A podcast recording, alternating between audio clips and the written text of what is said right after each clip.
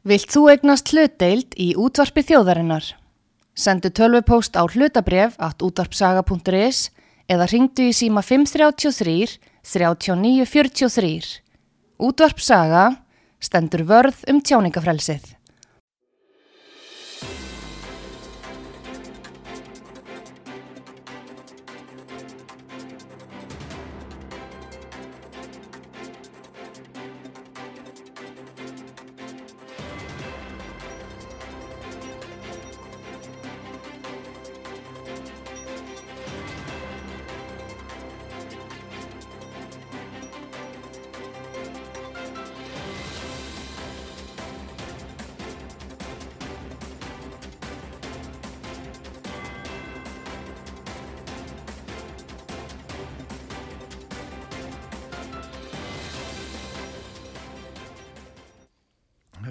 Hlustundur, komið þið sælir, ég heiti Kristján Hörn Eliasson og þetta er þáttur um stjóðsýsla og neytendamál.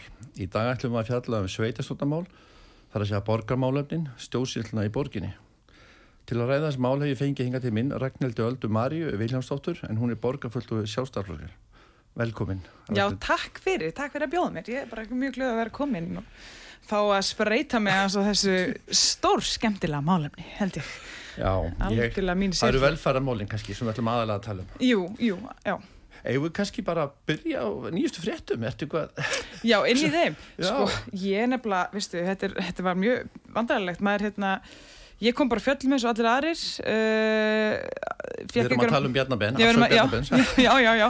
Við fekk hérna bara skilabóðum að það, hann ætti að vera að bóða Uh, blagamannafund og, og ég bara nú, ok, og hvað ætlaði að segja og opna bara vísi eins og hérna allir aðri reikningar og íslendingar og, og hérna og fæ bara þessa frettur á sama tíma á aðrir og, og bara ég veit eiginlega ekkert eh, hvað ég var náttúrulega bara svolítið lostinn.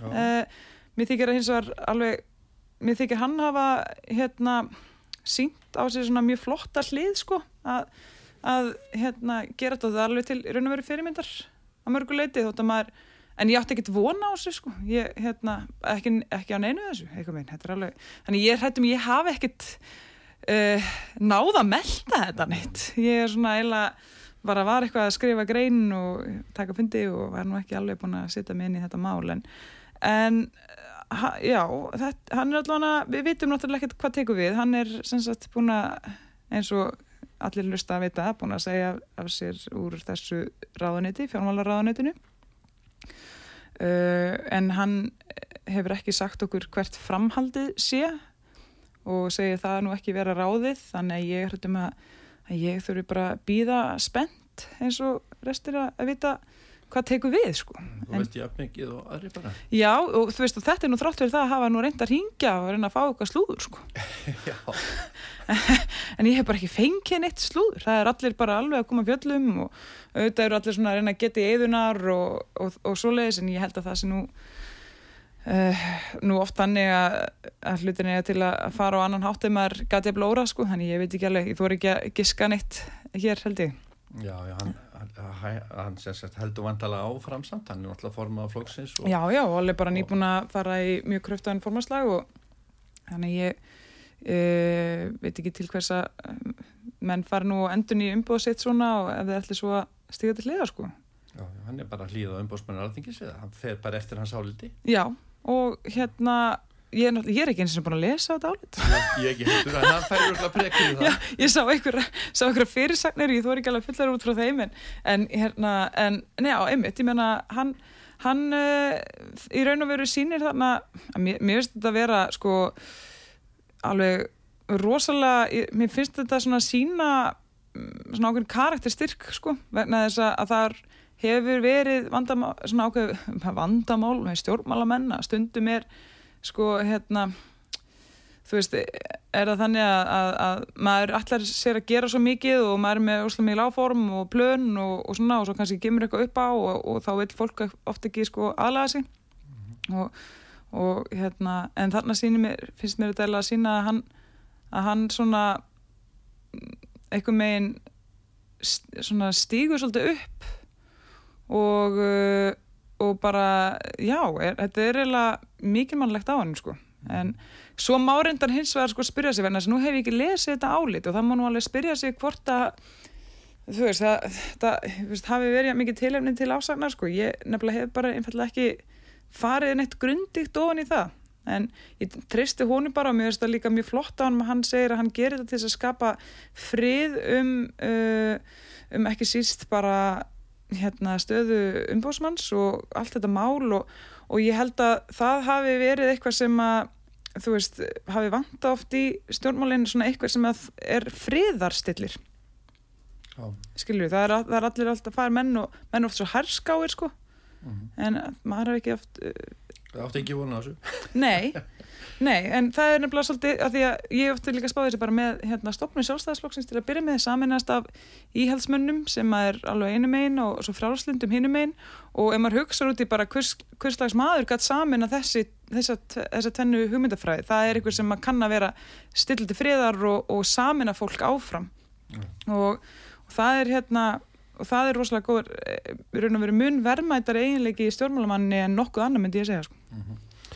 En nógum Bjarnar og, og afsöknuna sinni ef við förum, ég hitti það á lögadaginn Já. Þú varst með fundi í Valhöll. Já. Um hvað varst að ræða? Það förum aðeins bara styrkt í það. Já, ég nefnilega sko ég á vinkonu sem er svona sérfræðingur í orkumálum. Og hún fór nú að gaukaði að mér og sagði bara alltaf þú verður að fara að skoða þetta með sólarsellur. Og ég er sólarsellur? Fyrir ekki, hvar erstu stödd í heiminum, hérna við erum hérna í Reykjavík það er bara þoka og leðinda veður og þú ert að tala við mig um sólarsellur og hún bara alltaf, hérna þú múr svart úr aðeins að átti á því að það er ekki lengur árið 2000, það er árið 2023 og tæknin í þessu er bara búin að hlaupa áfram svo leiðis, bara eins og tæknin í öllu saman. Og ég ekki, já, einmitt. Og hún alveg hérna bendi mér á það að að sko, í dag er þessar sólasellur, þetta var eitthvað sem var rosa dýrst að framlega hérna uh, um aldamótin, en í dag er þetta orðið ódýrsta orgu framlegslu aðferðin. Það er bara sólasellur við þurfum miklu minna af sól en við þurftum. Og í raun og veru kannski ekki eins og rétt að segja að við sem að tala um sólaldur þar maður bara í raun og veru byrtu ljósstýra dögar og, hérna, og þessar sólasellur eru að framlega miklu meira af ramagni en þar gerðu hérna áður fyrr með miklu minna og saman tíma náttúrulega ráftækinu okkar er orðin mun sparnætari þannig að uh, víða á svona norðurlægari slóðum í Nóri og í Danmarku og Svíþjóð og þessum löndum í kringum okkur þá eru menn að koma sér upp sólarsellum uh, það er að tala um bara fólk, vennilegt fólk og heimili. Og uh, það er til dæmis eitt, eitt dæmi sem er reyndar að bróðum mínum sem að býr í Árusum að hann var að segja mér það og ég vissi þetta ekki á henni fór að kurskast í þessu. Og hann segði bara já við erum með sólarsellur og ég bara ha, beti, nú hefur við komið heimtilegar hérna og ég man ekki eftir neinum einhvern stórum þú veist, svörstum hérna, flötum á þakinu, hann þetta kannilega fer ekkert svo mikið fyrir þessu.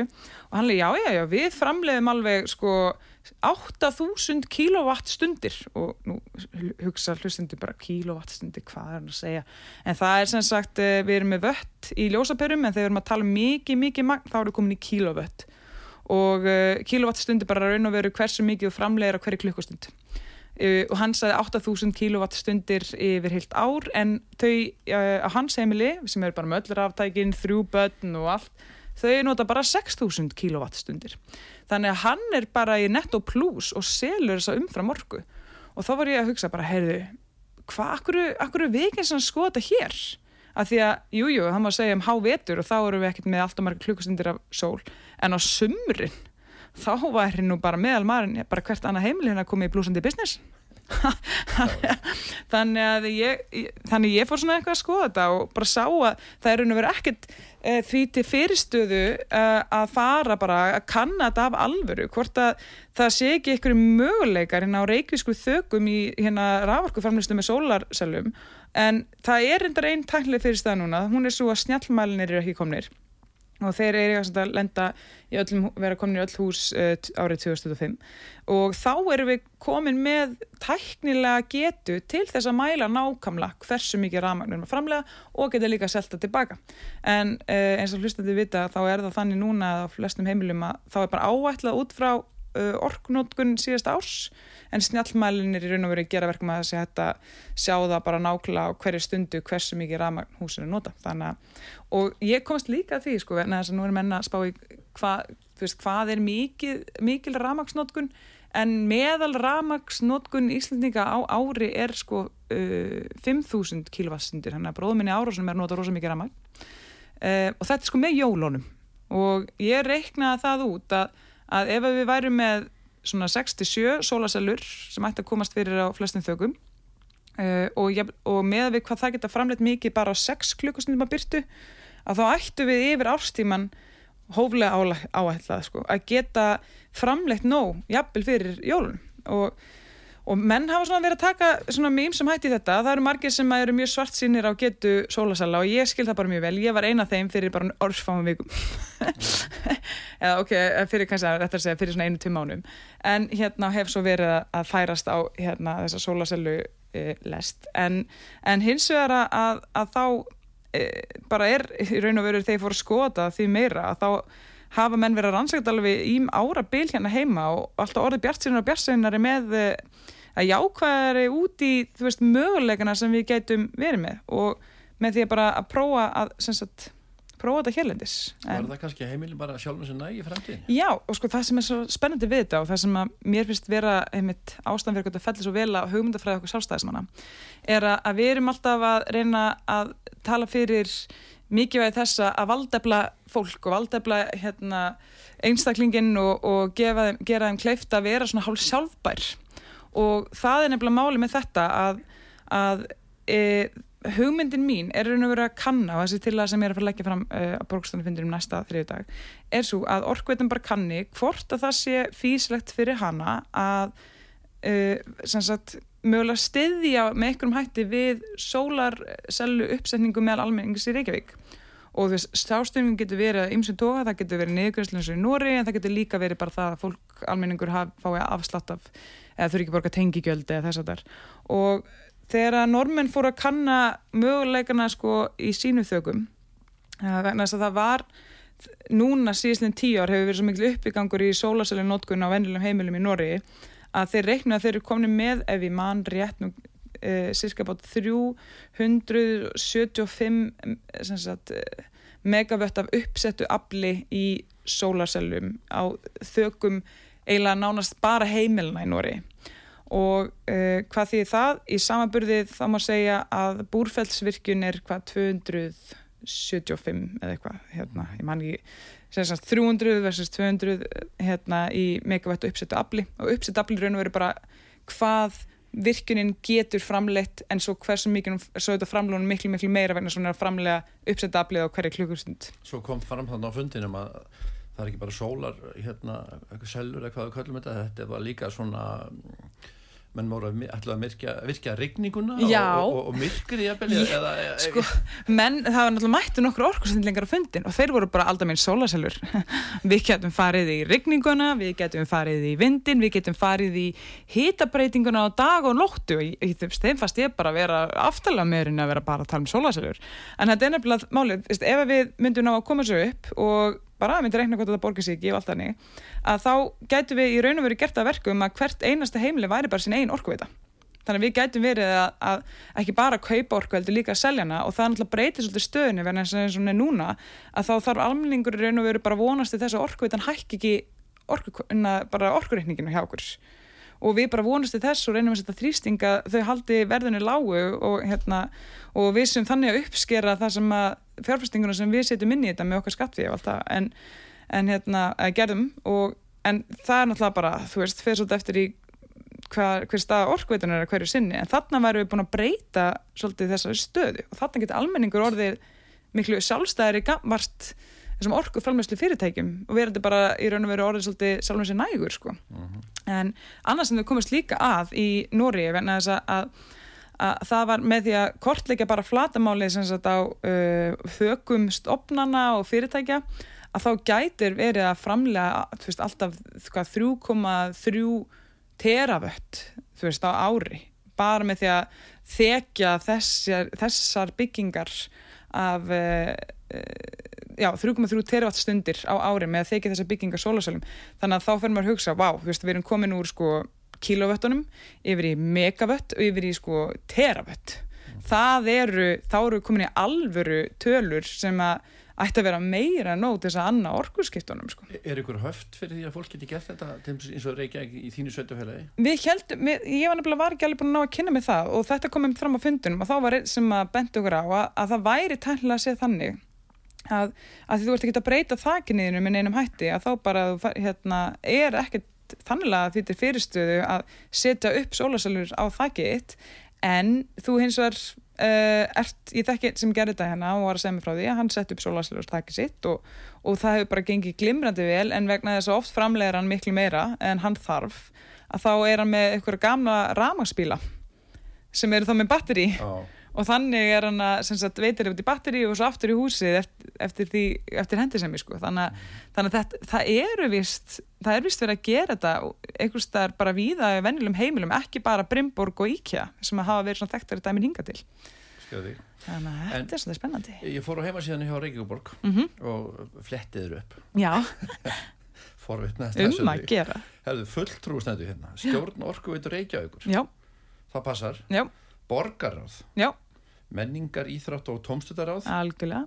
Velferðaráð Já, Íbúaráð Vesturbæðar já, Þú sta- staðfestir þetta alls saman. Já, og svo ertu varafullur í skóla og frístundaráð að því að eftir fundið þannig að þá var ég nú að, ég fór að þess að skammast í þið bara þegar fundurum var búin bara Um að gera. persón, persónlega og, og, og, maður á alltaf að skammast því sínu stjórnmálmönnum. Ekki? Jú, það þýðir bara að fólk er ekki sama og það, það er bara gott, það væri vant að enginn þetta skammast um mig, þá þýðir að enginn hefði trúið mér. Og þú sagði ég hefði bara fulla einmitt til þess og, og, hérna, og ég Mhm. svona leti pínulegt að heyra það. Sa- sagði að þú og aðrir bæ- bæri ábyrð á, á nú að þú gefur þér kost á þér, þú ert kosin og þetta á sama náttúrulega við um alþingismenn Mm að fólk verður að axla ábyrð að, mér finnst að ég fór að tala við um velferðamál -hmm. og hérna það er til dæmis maður búinn að vera senda post hérna á út af sögu Mm uh, tugi posta, jafnvel hundur ég þekki það ekki alveg, ég er allan frá tugi posta Já. og ég hef, hef talað við hann núna í, í, í, einhverjar tvær, Mhm. tvær viku kannski og hann er að kvarta undan uh, þjónustun í mjótt Mhm. suður miðstöð, Mhm. eh, heitir það þar og ég náttúrulega þekki ekki mannin og ég þekki ekki náttúrulega Málið og- eh, málið já, já. þannig að maður svona uh, verður Mhm. bara svona að hafa það eftir sem hann segir sko. Já, já, en ég fór með honum þarna og hann hefur sínt með bref og, og, og okkur hérna bref sem að hann hefur verið að senda á svör frá Mhm. miðstöðinni og hann semst að kvart ef hann fá ekki þá þjónustu sem hann á samkvæmt lögum og reglum borgarna líka Mhm.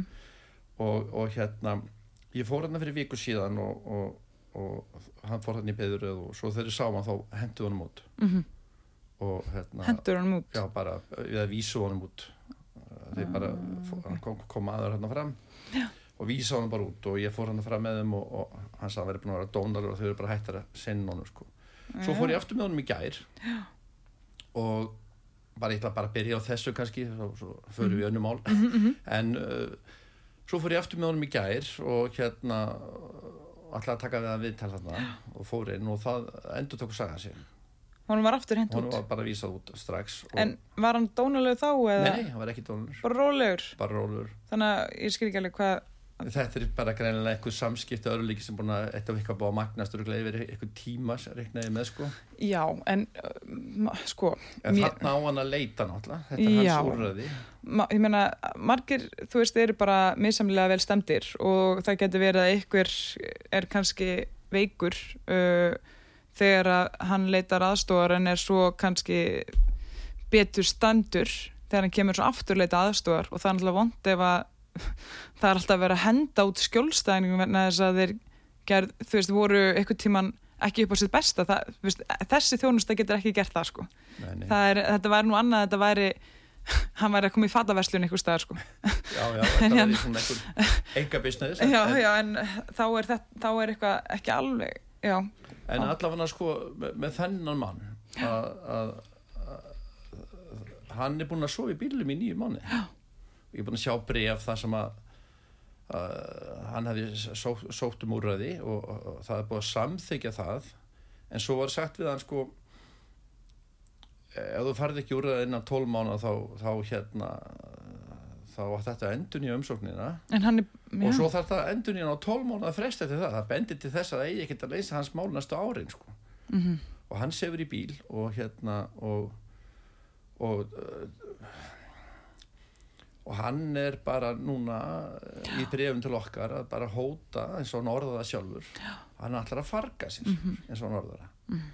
og þessna sagði ég þetta kannski við því þegar við hittum sko, mm -hmm. hver ber ábyrð á þessu ef að, ef að fólk er ekki að fá þau þjónustu sem það á og eh, nú veit ég að ríkið og, og, og sveitafjölun eru svona svolítið að henda á millistum boltunum hver ber ábyrðuna hver á að borga Já. Mér virðist að, nú þekkir þetta miklu betur ég náttúrulega, nú virðist að vera þannig að ríkið allir að takja ábyrð á til dæmis flottafólki mm -hmm. og borga en kannski sveitafélagin að framkvæma Já. en það er eitthvað öðru sem farið verist vera með Íslandinga eða hvað Já sko eins í þessu tilvilli að þá er það náttúrulega þannig að uh, félagsstofnasta Reykjavíkborgar uh, er með þetta á sínu uh, bara þetta er verkefni borgarinnar það er þannig, uh, ríkið er ekki að reyka félagsstofnustu en borg, sveitafélagið er að gera það. Og hérna og uh, þú veist, ég menna ef þau eru ekki að sinna sínum skildum hvað það varðar, þá er það erun og veru kannski líka eitthvað sem við þurfum aðeins að fara að spá í. Vennast, það er eitt sem þú sæðir í mitt senast sem orða áttur núna og það er þetta með uh, þú veist, afhverju, þú veist, ríkið og sveitafélagin er að kasta sem bolt á milli sín og það er eitt sem þú nefndir nefnilega senast og ég hef búin að hugsa svolítið mikið út í þetta síðan þú nefndir það og þú sagir, hvaða máli skiptir það, veist, af, veist fyrir okkur, mm -hmm. við borgum bara okkar skatta og okkar útsvar. Okkur er alveg sama hver ákveður að gera hvað. Það er ekki okkar mál að leysa það. Það er ykkar mál að leysa það. Og þú veist, mitt að vera hérna. Og við fórum um þetta að spá aðeins í þessu verðin að ég man eftir því þegar ég byrjaði í velferðaráði og ég hafði bara ákveðna hugmyndir um það hvað ég geti gert í velferðaráði þú veist, ég, mér fannst bara, herri, ég geti komið hérna inn og ég geti verið bara með tilur um til dæmis að, að það sé bara að fara að skoða þessi mál og þau séu löguð og bara hvernig getur við list þetta hér og ok, við þurfum að þú veist, fjölga kannski húsnaði hérna og getur bara minga þetta, þú veist, þurfum ekkert að vera þessu og, og eitthvað svona. En ef maður bara, að það sem að svo er það svona fyrsti skellunir sá að við, sem fulltrúi meirhlutans að þá eru yfirgnafandi líkur að, að engar tilög frá mér séu samþýttar af meirhlutanum það bara, og raun og veru var þetta verra á síðasta kjörtímbili, þá var það jafnlega, þú veist, eitthvað svona prinsipmál, þau bara samþýtt aldrei tilögunar okkar og svo komum við kannski með sömu tilögu þrjum mánuðin senna, sko en það sem komir annað óvart þegar ég tók við er það að, að ég raun og veru má ekki lengur gera neitt sko. ég má ekki, veist, það var samband myndi starfsfólk, ég þarf að gera það í gennum sviðstjóra og uh, ég þarf að fara með alla spurninga þangað og allt svona þannig að ég veit ekki alveg við hvernig ég tala og þá er eina, eina fólki sem ég get tala við um nákvæmlega svona mál eins og þú ert að lýsa eru hinnir ráðsfulltrúanir og svo bara vonast þess að þau gera eitthvað í því en svo hérna setja þau sér kannski eitthvað stefnur en svo má vera að það fylgir ekki endilega fjármagn með því mm -hmm.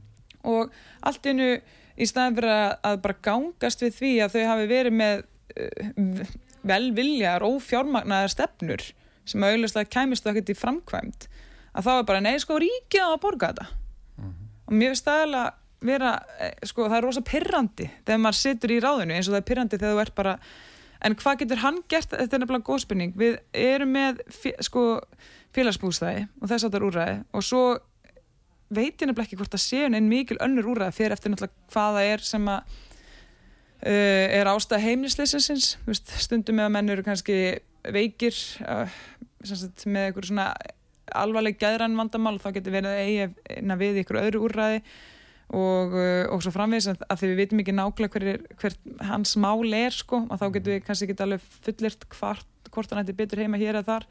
En það er hins vegar uh, augljóslega þannig að með eftir því sem að húsnæðisvandin ekst og hann er bara aukast og það var þannig að við þurftum 3500 íbúir til þess að dekka uppsamnað þörf en núna er samkvæmt nýjustu tölum húsnæði sem annirkjastofnun og það kom upp í 5000 íbúir á ári.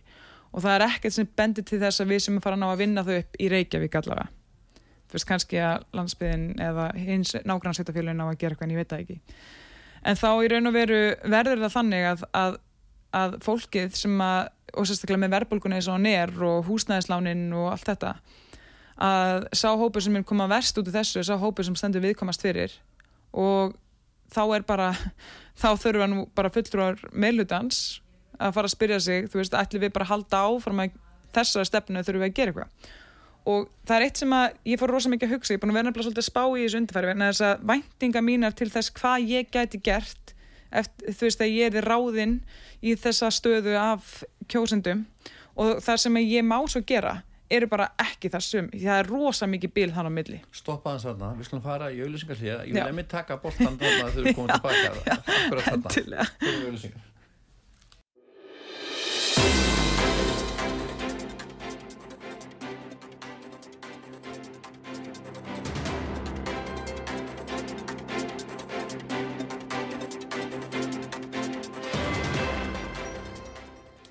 Já, já, við erum komin aftur, ég heiti Kristján Örn Eliasson og við erum hérna í þætti og hjá mér er Ragnhildur Alda, borgarfulltrúi sjálfstæðarflokksins og við erum í þætti sem að, það sem við erum að ræða borgarmálunum, stjórnsýslinni í borginni. Ég, ég stoppaði það að þú varst komin að ferð þarna á þann. já, já, en um að gera, þú það er bara að stoppa á besta stað, þá var maður alveg allir á öndinni, hvað segir hún næst? Mitt, þetta var góð, góð, tímasetning. en við vorum, ég, sko, ég ætla að spila fyrir hlustundur klippu eftir sem ég tók við talið þennan mann sem ég er ekki búin að vinna og, kemur sannlega uh, í fréttir á út upp sögu á síðuna. En ég þarf aðeins að klippa þetta til og vinna þetta og hérna ég tók svona bara smá klippu til þess að bara sína það að ég hafi talað við þennan mann og hérna, ef við kannski bara fá hann að byrja á því eða hvað, Endilega. við skulum bara fá þá klippuna þetta er svona cirka eina hálf mynda Hefur þú prófað að fara í ráðhúsið og, og reynda að ná samband við eitthvað hjá velferðaráði eða, eða velferðarnemnd eða jafnvel borgarstjóra? Jú, hún heitir Heiða Björg Heilminsdóttir. Hún hefði fengið afrið á allir mínu gögnum, sér öll ljósritt og ég hefði óskætti að fá viðtal við hana og, og hún hefur ekki látið e, hvorki í sér heyra eða frá sér sko, þannig að ég veit ekki neitt með það. Þannig að þetta er formaður e, velferðar nefndar Reykjavík og borgar, Heiða Björg Heilminsdóttir. Hvað með dag, borgarstjóra? E, Dagur B. Eggersson, hann svaraði mér ekki heldur. Hvorki skilabóðum eða öðru, ég er reynda að ringi hann. Áranguslust.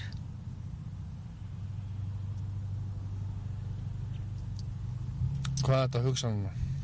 Ég er bara að hugsa um hvernig þetta verður sko. Nú, nú, er, að, nú er að koma haust og það er að koma vetur og maður veit ekki hvernig þetta, hvernig þetta er og þetta er að verða. Maður kannski, já, kannski einhver finnst, eða kemur að manni látnum úti. Það maður bara getur lendið því ef þetta heldur svona áfram. En maður það greinilega komast inn í hús fyrir, fyrir veturinn. Þú hefur engað svona að þess að aðstóðu? Nei, ég hérna stend bara einn á mínum báti og, og rói honum fram og, fram og aftur. Já, já, þetta er svona stutt klippa. uh, hann, hann er semst búin að vera í, á, á svaf síðastliðin vetur eða allt þetta ár í bíl hér og þar Þetta var eiginlega átakanlegt að hlusta á þetta. og hann er marg búin að sko hóta að, þú veist að, að bara klára þetta Mhm. og, og hérna og í gær þegar ég fór með honum upp í velfæraráð þarna og, Já, og- erna, og- austumiðstöðuna. Já, Já, suðumistur í mjöndinni þá var eitthvað vísað út sko, þó hann vissi að ég, ég sko, hann vissi svo sem ekki dömið, hann, jú, kom hann síðast en hann vissi að ég var út upp í sögu og ég alltaf, var alltaf bara að skrá þetta og fylgjast með þessum samskiptum en hún var bara vísað út og, og Ég er sko í tvígang líka. Já, já, og, og, og ég var með hann skilur, það er ekki eins og hafi verið einn að gera eitthvað. Ég, var- ég var bara svona vitni og tala við hann. Það er bara svolítið sérkennlegt. og hann nefnir nöfnin í vittal, ég get kannski ekki gera það það- það- hann nefnir þessu nöfn þannig hann er með sko blað með 20 nöfn hann er ekki sem er blað, hann er mandla saman Mhm. þetta eru 20 nöfn sem hann þylur alltaf upp sem hafa ekki sýnt honum. Hann Mhm. er ekki með neitt fulltrúa, hann er búin að segja sér frá málunni eða hann tilgjónum breflega að hann hafi engan fulltrúa. Enga félagsrákja. félagssorgu Mhm. og hann fær ekki að koma að það sem hann á lita aðstof þetta er svo að koma á spítal og vera slasaður og vera ekki nút. Já, er þetta. og ég, hann, hann hérna sko þannig að eh, hvert án þá að fara? Ég, hérna, ég sá svo í eh, bara í morgun hvaða rauðikon sem var að sko þau eru með eitthvað úrræði. Ég held að það sé nú aðalega fyrir flóttafólksamt ég ætlum ekki að kannski að blanda þessu saman en, en hvaða úrræði þá Íslendingar hafa og eins og hann hann, vir- hann, fær, hann er búin að sækja um þetta hann er ekki að sækja um fjárnarslega styrk hann bara, hann fær ekki íbúð hann fær ekki íbúð En er það Hann- sem búið að segja sér líka frá málinas? Er það bara máli? Já og hann fær bara svona, svona uh, nafnlösa tilkynningar frá meðstöðinni Já. það er enginn sem að og uh, hérna Þetta er þetta sko, máli, svona ádægt að virka. nei, bara til þess að klára söguna Já. svo fer ég hann í gær og tek með mér upptökutæki og hann bað maður að slökka á því hann heiti Bjar, Bjarni hann í mjötinni Mhm. og við, hann ætlaði að fá viðtal við Óskar Dýrfjör sem er yfirmaðskipin, hann hefur ekki fengið það Mhm. og hann baði það fyrir viku og hann fær ingisför og fram að ganga, hann baði maður að slökka á upptökutækinu Mhm. og ég gerði það og hann sagði alltaf að tala við mig, ég myndi slökka á það og ég gerði það Mhm. og þá talaði hann eitthvað mjög mig og sagði mest eða ekki neitt Mhm. Og fóð svo inn og hringdi á laurugluna já, já, og við fórum út bara sést, þetta var fram á gangi, þetta var ekki inn í við fórum bara fyrir auðvitað hann í mjótinni og ég var að tala við hann og var að taka við hann.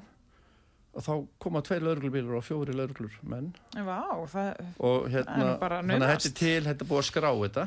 Já, það er bara fjóri menn á ykkur. já, og það sést, já fjóri, þrý kallmenn og einkona og það var bara, þeir, þeir bröðust bara við útkalli en, en þeir höfðu ekkert að gera en Já. svona er þetta og ég veit ekki hvort það eru fleiri í þessu, ég, ég er nú bara svona aðeins að dundra þessu yfir því að því að við, ég var búin að segja þér að ég ætla að svona, Ég verð að segja þér eitt sem ég myndi eftir þú sagðir þetta, að, hérna, mér veist aldrei magna að það hefði komið fjóru einstaklingar, ég lendi eins og því að það var eitthvað sett í drikki minn í bænum. Já, og hérna og bara, það var bara auðlust mál. Ég var búin að drekka eitt drikk og ég, gat ekki staðið. Og það bara maður minn var sem betur fyrir með mér og hann þurfti að fylgja mér út og, og að hring, við reyndum að ringja laurugluna ef ekki bara síst til þess að fá okkur skonar þú veist, eitthvað, til þess að koma okkur heim en þess að leigubílarnir vildi ekki skutla mér heim. Og allir heldur ég væri bara svo ölfuð og það hann maðurinn sem er bæðið vegi læknir var þann að eigin maður mín og segi bara nei, nei, nei, nei, hún er búin að drekka einn drikk og e, þá bara kom lögreglan ekki til mín sko. En það er svona, en veistu, þetta er, þetta er kannski svolítið önnur saga og þetta er bara satt í mér þessi upplifun mín. En, en hérna, hann er mér veist ég verð að segja fjórir, fjórir menn þarna á, á ykkur, eh, og ein, fyrir ekki þrý menn og einn kona þetta en- bendir svolítið til þess eða svona að, að lögreglan kemur bara strax og er útkalla það sé mikið vesen. Það sé bara eh, mikið vesen á staðnum, já, Já, hversu ofti verða að er kalla á lauruglu og hérna í þessu skipti sem maður hefur komað og verið að fylgjast með Já. þá uh, er fólk bara á háasíðuna já, það Já, er mjög ok. oft. Já, ok. Og, og eins og ég sagði eins og þú, þegar við fórum í hlýðið Mhm.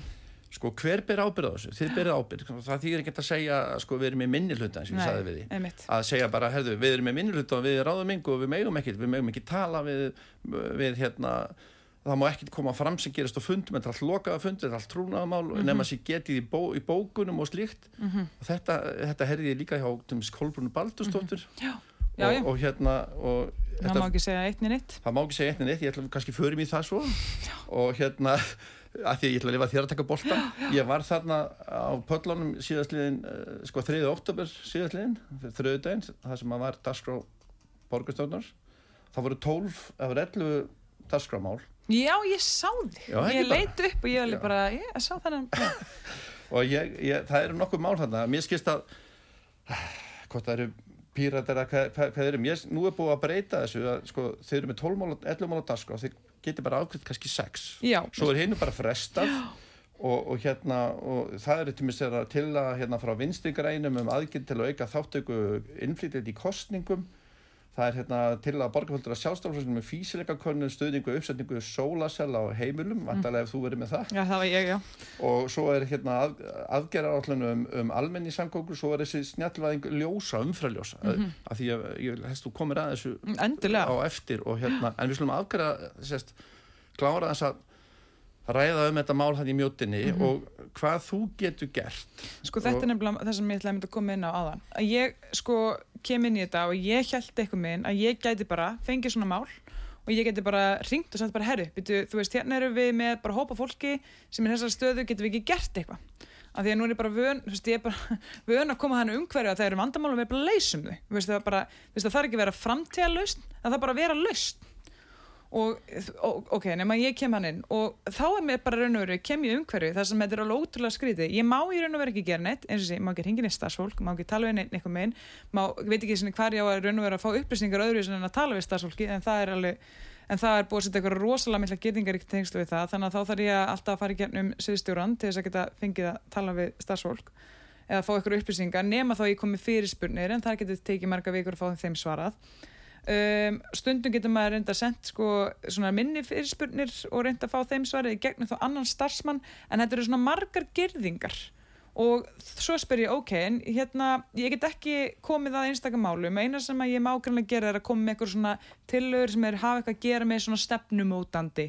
Svona við skulum nú fara í þessa stefnu hér að gera þetta svona En ert þú bara svona, í minni hluta ertu bara svona Já, annars flokks? svo til þess að útskýra líka hvernig munun á meirluta og minnuluta þá er þetta svona eins og með stjórnanstöðuna og ríkistjórnuna. Í borginni þá eru við með meirluta og það eru þessir flokkar saman sem að koma sér saman um meirluta sáttmála og þeir kjósa allir eins og eru með eitthvað svona stefnu sem þeir alltaf í. Og við í minnulutanum, við eh, erum þá bara þeir flokkar sem er ekki partur af þessu samstarfi og, hérna, og þá í raun og veru geta þau alltaf kaffært allt sem við gerum þótt að ég geti nú alveg sagt að með tilkomið framsóknar að þá hafi að mörgu leiti vinnubröð meir hlutans batnað gammalt meir hlutinu ætla ég að segja. En, en, hérna, en það er svo sem bara efni í annað útversvital en hérna en ok, þannig að það sem að, tók, það sem að tók við þegar ég mæti er þess að það sem ég átta mig á að mína væntingar til þess hvað ég geti gert og þess sem ég og rammin sem eru búin utanum okkur borgarvildrúna, það er bara rosalega mikið bíl þannig á milli og, hérna, og varðandi þetta til dæmis líka með að gera ykkur þjónustu að því við hefum alveg átt samræðar um þetta. Og ég hef oft sagt sko ok, ég meina, þú veist, hérna, hvað ef að getur við ekki, ég meina, núna er oft sko tóm skrifstofuhúsnaði hér og þar og eitthvað, væri ekki hægt að rigga bara ykkur upp sko Uh, eitthvað er bara laust bara fyrir fólk. Ég menna núna er gull viðverun og þess að þar en þá er alltaf sko eitthvað með orðraðan svo að það sé nú bara ekki fallega gert að fólki, gammalt fólki í þessari stöðu að rigga eitthvað svona upp því það eigi nú alveg til að verða eitthvað sem átt að vera bara tímabundu á það til að verða frambúar en veistu, máli er að fólk sem er í þessari stöðu því er alveg sama hvort þetta sé eitthvað sem að gæti kannski orðið eitthvað svona uh, ílengst þetta úrræði, það vill bara eitthvað úrræði þannig að þú veist þannig að ég svona, gef lítið fyrir eh, þá útskýringu. En það er líka einmitt eitt sem ég lærði hérna, fekk mér svona góða frasa frá þeim enn í Portland með þetta. Og hann sagði þegar þeir lendi svo miklu vanda, vandamálum út af afglöpavæðingunni og fleira þar. Að þau segja bara að það sem þeir gerur stórmýrstök er þeir letu þú veist, þessa, þú veist, þeir letu það sem átt að vera fullkomið standa í vegi fyrir bara því sem virkar, eða því sem dugar. Veist, allt átt að vera fullkomið og þess vegna gerður aldrei raun og veru neitt fyrir en það var orðið og sent og það er nákvæmlega eins og núna. Um, og svo þannig að er, þetta er eins og eitthvað sem ég svolítið ánægna nefndir þess að mér langar bara rosalega mikið, núna kem ég úr þú veist mastersnámi um þjónustu og ég áttaði mig á því að ég hafði alltaf væntinga til starfsins en þú veist, og núna er það ekki alveg eins og ég hafði held að þetta væri. Og ég áttaði mig líka veist, ég finn líka fyrir því að fyrir kjósundu mínum þá er þau líka bara að byrju af hverju getur ekki gert þessu hluti? Og ég bara, ég, nákvæmlega. Þannig að ég er eða bara ég held að þessi þróun sem hafa verið svolítið orðið á þennan hátt að hún sé ekkert endilega hennu góða. En ég var bara svolítið að tala um þetta við vinn minn af því að hann var líka að segja, kerfið er endilega svolítið þannig og þú veist það er gott fólk sem að vinna í borginu líka allt þannig, þú veist og allt svoleiðis en stundum bara veist orðin partur eitthvað svona kerfi og svona batteri það á það til að vera svolítið þannig að, við, að, það, veist, að menningin er svolítið við að móti ykkur. Jafnvel þótt að starf þessa kerfi sé að þjónusta ykkur, skiljur mm -hmm. og hérna og eftir því sem maður settar upp meiri girðingar millir kjörnafulltrúa og hérna kervisins að ég menna borgin sem bara Reykjavíkuborg sem og ráðhúsið og allt þetta þetta er bara til í krafti fólksins skiljur, þetta er bara raun og veru umboð frá kjósundum uh, til bara svo, veist, borgarinnar til þess að þjónusta sig og sjáum rekstur þeirra þjónustu. En hérna og fólk, sagt, almenningur kýs okkur borgarfylgtrúna til að vera svona þeirra manniska í kerfinu til að veita að kerfinu aðhald og hérna uh, setja nýju stefnu og ekki síst líka geta svo kerfið sér sveianlegt en þess að annars er kerfið bara í raun og veru þetta batteri og þá er bara með hópa embætismönnum og þau eru kannski að taka einhverja ákveðna hérna, stefnu áfram uh, en en þú veist, það er, ekkert, það er annars ekkert sem að segja, þú veist, þú ert komið með svona stort batteri og valda hlutvöldin hjá stopnuninni Reykjavíkuborg, gammalt bara vennum almenna íbúa, eru svo ójöfn að þess vegna eru við með kjörna fulltrúa til þess að geta komið hann inn og við erum bara, herðu, nei, nei, nei, við, getum, við skulum gera þetta svona en ekki svona og við skulum bregðast til svona en ekki svona. Þannig að þú hefur orðið bara fyrir vonbröðum í því starf? Já, af því ég áttaði mig bara á því að það er búið að gerða svolítið upp, þú veist, setja upp gerðingar gammalt líka, þú veist, því sem við getum gert við fulltrúar. Og mér langar eiginlega bara svolítið að kanna þetta þú veist, kafa svolítið út ofan í þetta og ég hef í raun og veru higgju að fara í raun og veru bara er ég að spá ég að koma bara með svona einhverja könnun. Mm -hmm. ég er ekki alveg búin að útfæra þetta en mér langar að vera með einhverja könnun mér langar að leggja hana bara fyrir fólk og segja bara, þú veist, hvað finnst þér að borgarfulltrúar eigi að geta gert? Þú veist, og bara hvað finnst þú veist, hvað væntingar hefur þú til þinna borgarfulltrúa? Og svo ætlum ég bara að segja þú veist, þegar komið með þessar niðurstöður og vandi ekki unni eitthvað úr þeim og þá ætlum ég bara að segja, herðu veist, þetta er það sem að fólk vil fólki ræður, Já, það er líðræði einmitt, en sko nú er þetta bundi í lögum sem dæmi. Já. og svo eru reglur. Já, og ég, hérna, sko ég er að veltaði fyrir mig við hljóttum að geta breytti Já, en sko, sko já, eru, eru, eru reglunum kannski ekki anstöðu þá bara við lögin. Mhm. en ég sé hérna að sko samþyndum stjóðar Reykjavíkuborgar og funda sko borgarstofn nummer 1020 1020 frá 2019 með síðari breytingum, það var síðasta breytingum var í september og 2023 er það þetta sem er að gerast í borginni? Er Það konur eitthvað nýja reglur um fundaskop og einmitt þeir eigi bara helst ekki sem Já. er í minnluguna, þeir eigi bara hérna, helst bara ekkert að vera að tjá Í- já, þetta er nefnilega nákvæmlega, veistu. Það er verið að kæfa Já. málfrelsi. Veistu, það er nefnilega einmitt, ég ætla að koma undan þessu. Þannig að ég kemur inn og ég átta mig á því að það eru allar þessar gýringar svo uh, er ég náttúrulega eru píratar í meirhlutunum og píratar alltaf, kjör, alltaf í kostningum þá eru píratar hvað harðast er í því að þeir sem nú að tala fyrir meira líðræði og, og þeir eru búin að opna hana líðræði eins og mannreitndaskrifstofu og eitthvað borgarinnar og svo framvegis og hérna, ég áttum ekki alveg á því hvað hún gerir og þeir eru með þessi íbúaráð og, og allt þetta og þeir eru svo milli líðræðislokkar og þeir eru nú að vinna spillingunni og allt svona dæmi. En hvað hafa þeir gert síðan þeir komið inn?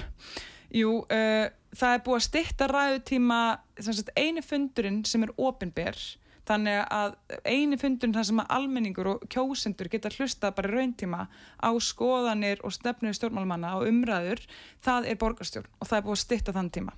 Það er búið að stytta ræðutíman okkar í borgarstjórn og búin að stytta tímar sem við höfum í ansörum sem er, þú veist, þú komið spurningu, ég að svara og þú komið annar spurningu, ég að svara og það er búið að stytta líka, sagt, við höfum þrjú ansöru, nú er búið að fækka þeim yfir tvö, yfir, hérna í, sagt, tvö og þegar ég sagði bara, heyrðu, hver, bara af hverju? Og þá er það jú og þetta er alveg bara til á upptökum.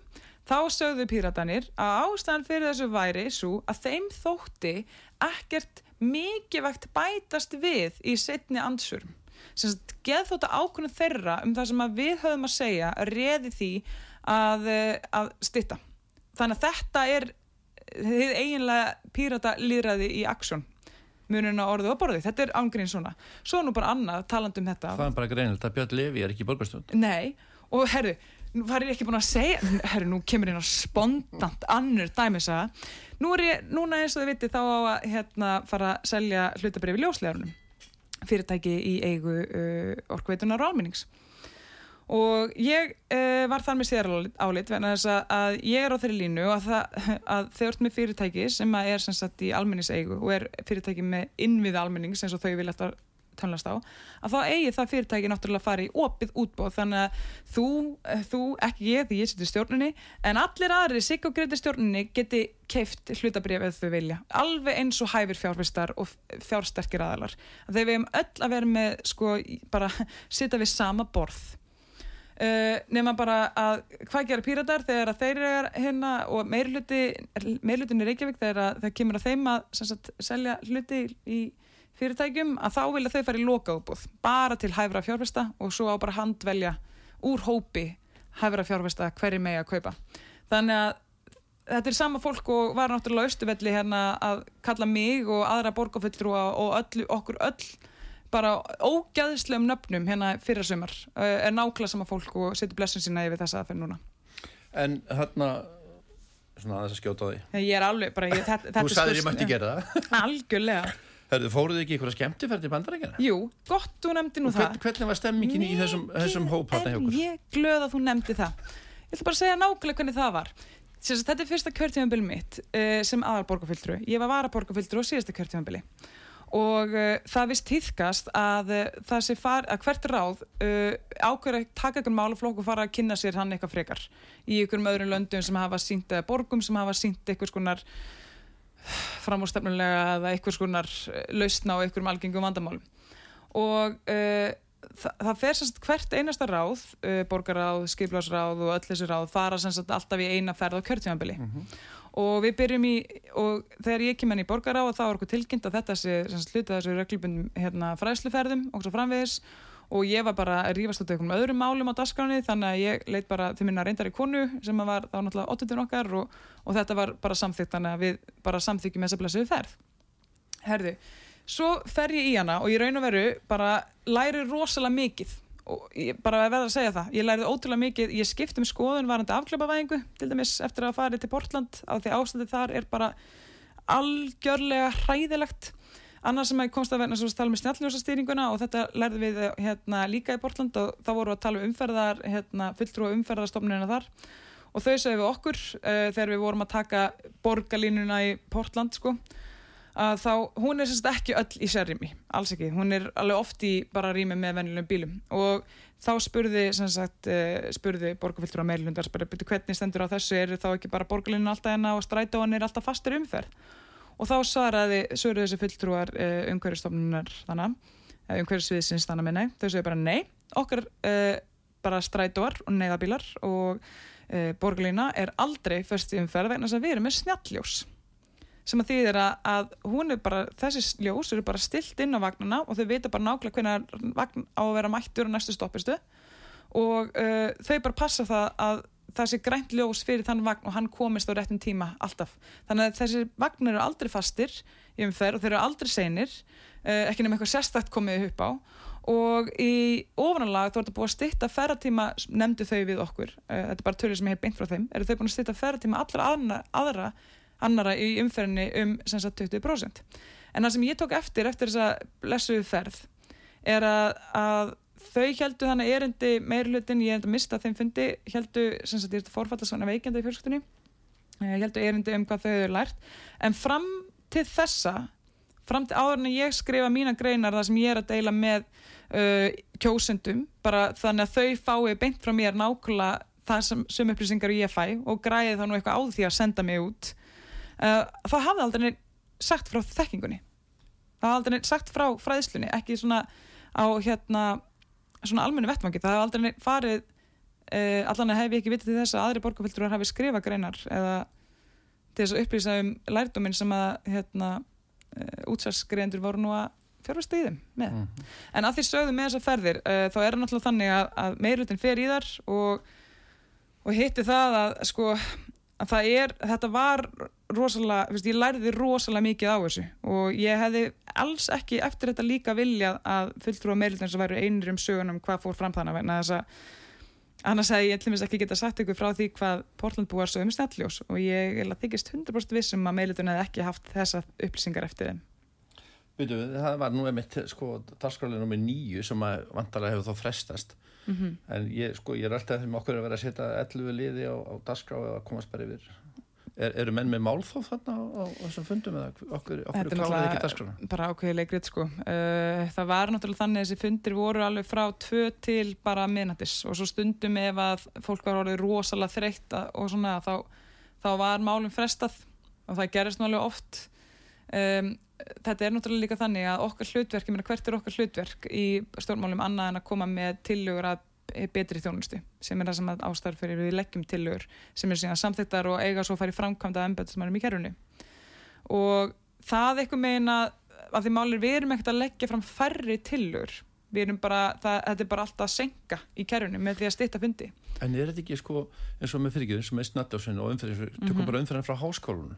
Bara upp á löngulíð þú ert kannski hálftíma 40 minnur að kera þessa vegalend svo Já, alveg við kringlu og kannski upp á grænsósu og þá kannski ja, aðeins svo kemur aftur þannig hjá Þarna, þú ert að fara til Hafnafjörður og þú getur alveg verið frá Sundahöf bara alveg í Hafnafjörð er ekki samstarf sveitafjörð þetta er búin svona í mörg ár. Og það er meirluti og minnluti og þið hljótið að vera sammála um þetta vandamál. Ég skal segja það Kristján, ég ætla bara að segja nákvæmlega hverju gangi hér. Uh, það er bara, borgarvildur á meirlutans uh, hafa bara sagt að bæði lengt og ljóst. Uh, ég veit náttúrulega ekki kannski fram sem var ekki síðasta kjörtjöfnbili en á síðasta kjörtjöfnbili þá var því bara líst yfir af samfélkingarmönnum og uh, borgarfjöldum þess meir hluta að uh, þau væri að móti því að fólk notaði bíla til þess að komast leiða sinnar í borginni. Og þeirra markmið væri því að uh, gera það eins erfitt og hægt væri. Dra, grafa undan innviðum fyrir bílinn í borginni og réttlandingin var á þessu að þetta vera meir innviðir fyrir gangandi fólk en máli er, þetta átt að vera alltaf að gera hlutina mannvænum eða fólksvænum hérna, uh, almenningsrýmum en máli bara það er fólk sem að velur að nota bíl Bú allir í 101 þá? Nei, þetta snýst bara um það að e- ef ég ákveða mitt hlutverk sem stjórnmálamæður sé að ákveða fyrir því hvað þú átt að gera uh -huh. uh, að þá ertu komin í byllandi fóraðsíku og þá fyrir ég hægt að taka sko, ákvarðinir út frá, því, út frá sko, þínu vali og skerða þitt valfrelsi. Og ef máli er gallin með bílana er að bílanir eru vinsælir, Vist, almenningur og fólk nota bíla mikið hérlendis. Og þau gáttu því ekki bara skipa þeir að leggja bílnum og nota hann aldrei aftur. Þannig hvað farið þau að gera, þau fara bara að grafa undan innviðanum með því að, þú veist, uh, gera ekkert engar samgöngubætur í Reykjavík síðastlegin áratug, fækka bílastæðum ofanjarðar um, uh, aldrei, alltaf alla, alla nýbyggingur, nýbyggingar eru bara með 0,65 bílastæði per íbúð, þau bara raun og veru búa til meir og meir í vanda og þau hefa sagt að ástæðan fyrir þessu væri að þau treðu ekki að fólk myndi taka almenn samgöngur öðruvísi en að gera allt hitt óbærlegt. Þannig þeirra lausn var ekki að bæta almenni samgöngur séða til. Mm -hmm. Það var bara það að gera allt annað óbærlegt. Það er þeirra lausn. Og þetta sem þú ert að nefna væri líka bara að því að eitt af því sem við lærðum uh, í þessari blessuðu ferð þannig úti sem að einmitt meðlutin hefur nú ekki verið duglegar að segja frá er að einn besta leginn til að höfva umferða vanda er fjárvina og fjarnám og hérna hvað hefur Reykj, Reykjavík gert þess að ebla fjárvinnu á vinnustöðum?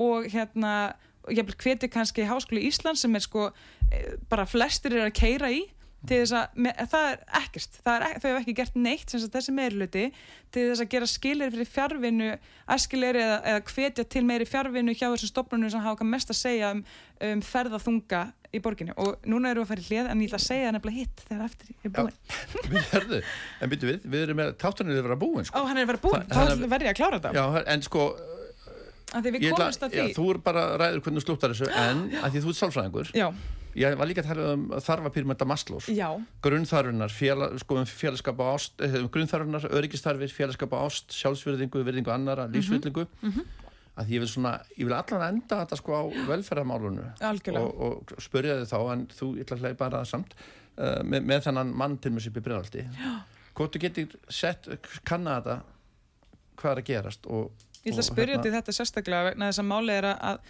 við eigum ekki verið að meina fólki þjónustu bara vegna þess að það er, var fárveikt eitthvað tíman Það, ég, meni, ég veit ekkert hvað er í gangi hjá hann en, en hann, hef, sko, það er bara skilda ykkar að sinna honum hver sem borgar en Þannig, nú hleyp ég bara að með þitt. Nei, það er bara horrið en svo held ég að þetta sé líka kannski bara þessi menningavanda sem er helst í borginni og þessi meirluta þannig sem ég liti á, þetta er kannski líka verðan að ég kemur svona á mig þjónustjórnun og mér þykir bara það sko, þjónust að vera eitt af göðvasta sem við gerum við, hérna, man, bara við nákvæmna og og ég lít svo að borgin að borgin á að vera til staða til þess að þjónust að þarfir íbúa ekki ákveð hver íbúa hverju þarfir þeir eiga að vera. Og, en þarna sínist mér að nákvæmlega eins og í stærri málunum þegar kemur umferðarmálunum yfir í velferðarmálun þá er þetta alltaf komið á þann veg að það sé svona verið að segja já við skulum bara þjónustega en okkar forsendum. En þetta er náttúrulega bara það er náttúrulega bara einfallega að fara og koma fyrirspurn um það hversu oft fólk er vísa frá. Já, já. Það er fullt sem við ætlum að fara yfir en þú, þú verður bara að koma aftur eftir mann, mjög flótilega, ekki? Jú, veistu við ennast ég hef frá svo miklu að segja Kristján. Þú kannar þessi mál bara og Já. kemur flótilega aftur en eitthvað svona rétt í blálógin uh, Rétt í blálógin það er stórtið spurst ég myndi alltaf að klára það að segja að það var eitt af því sem við komast þannig að úti að þau voru mikið að kvarta yfir því að fjárvinnan hafði allir því að umferðin hafi minkað svo mikið í miðbæin og þetta var orðið þannig að, að sko, þau voru að byrja að tala um umferða leysis vandan fjárvinna er lustin Segjum það, þættinum lokið í dag. Ég þakka gæsti mínum Ragnhildi Öldu Maríu Viljánsdóttur borgarföldur af sjálfstæðarflósins fyrir komin í þáttin og fróðlegt upplýsindi, hreinskilið og skemmtilegt skipall Takk. Þorstinni Sigurssoni, Braga Reynisinni þakka ég fyrir tæknimból og stjórnum útsendingar og hlustöndum öllum fyrir hlustöndina ég heiti Kristján Ragnar Eilesson, verið til sæl og góða stöndir Takk